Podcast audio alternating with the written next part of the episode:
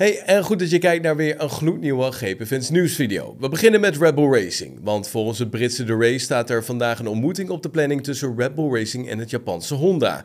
De twee partijen zouden met elkaar in gesprek gaan over een samenwerking vanaf 2026. Het Britse medium stelt dat de belangrijkste details van een eventueel vervolg van de samenwerking al is vastgelegd. Met de hernieuwde samenwerking zal Honda ook wat meer naamsbekendheid krijgen en geeft het de Japanners de kans weer om officieel aan de slag te gaan in de Formule 1, iets waar sinds het afscheid al werd op gehind.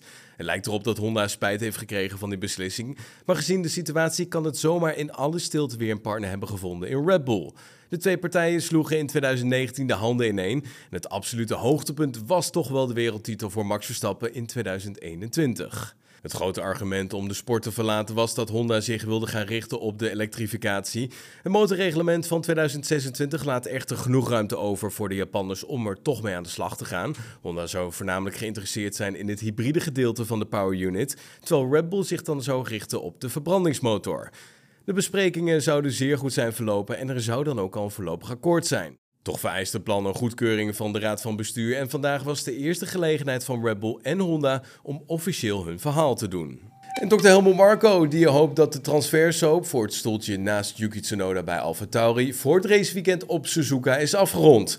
Pierre Gasly die zit momenteel nog wel bij het team, maar Nick de Vries zou de beste papieren in handen hebben voor volgend jaar. De Fransman heeft weliswaar een contract tot en met eind 2023, maar de geruchten wijzen naar een overstap naar Alpine voor volgend seizoen. En ja, mocht dat doorgaan, dan lijkt Nick de Vries de stap naar het zussenteam van Red Bull Racing te gaan maken. Na het optreden van de Vries als invaller van Alexander Albon in de Grand Prix van Italië, zou de coureur uit Snake op pole position staan voor het stoeltje van Gasly. Het seizoen nadert haar eindfase en dus vallen langzaam maar zeker alle puzzelstukjes op zijn plek. Er zijn nog maar een paar stoeltjes beschikbaar voor volgend seizoen en Helmut Marco vertelt bij ORF dat hij verwacht dat er snel duidelijkheid zal zijn bij AlphaTauri. Er zijn gesprekken gaande en we hopen volgend weekend duidelijkheid te hebben. Ik ga ervan uit dat we tegen de tijd dat we in Suzuka zijn, het wel beslist moet zijn. Ja, de bal ligt dus bij Gasly en Alpine, zo heeft de teambaas van Red Bull Racing Christian Horner ook al eerder verteld. Pierre Gasly staat onder contract bij Red Bull Racing. Dat is niet veranderd. Iedereen gaat ervan uit dat hij weg is, maar hij staat nog steeds bij ons onder contract en is toegewezen aan AlphaTauri. En zolang dat niet verandert, valt er niets te zeggen over mogelijke opvolgers. Al dus Christian Horner. Ferrari-race-directeur Laurent Mekies die gelooft dat de manier waarop de VIA omgaat met de vermeende overschrijdingen van het budgetplafond een cruciale test zal zijn voor de financiële regels van de Formule 1. In aanloop naar het Grand Prix weekend van Singapore werd er gespeculeerd over de rol van Aston Martin en Red Bull Racing. De twee teams zouden naar verluid meer geld hebben uitgegeven dan het kostenplafond zou toelaten.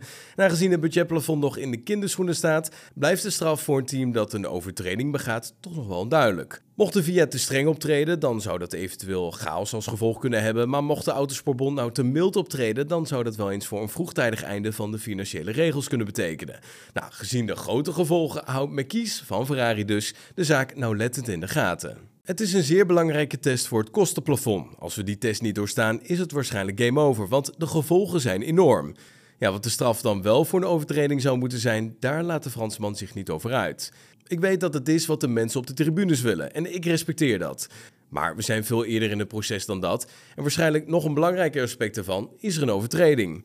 Ja, wat cruciaal is, is dat de VIA de regels volledig handhaaft zoals ze nu geschreven zijn. En daarna zijn de straffen een andere zaak. Al dus de race-directeur van Ferrari.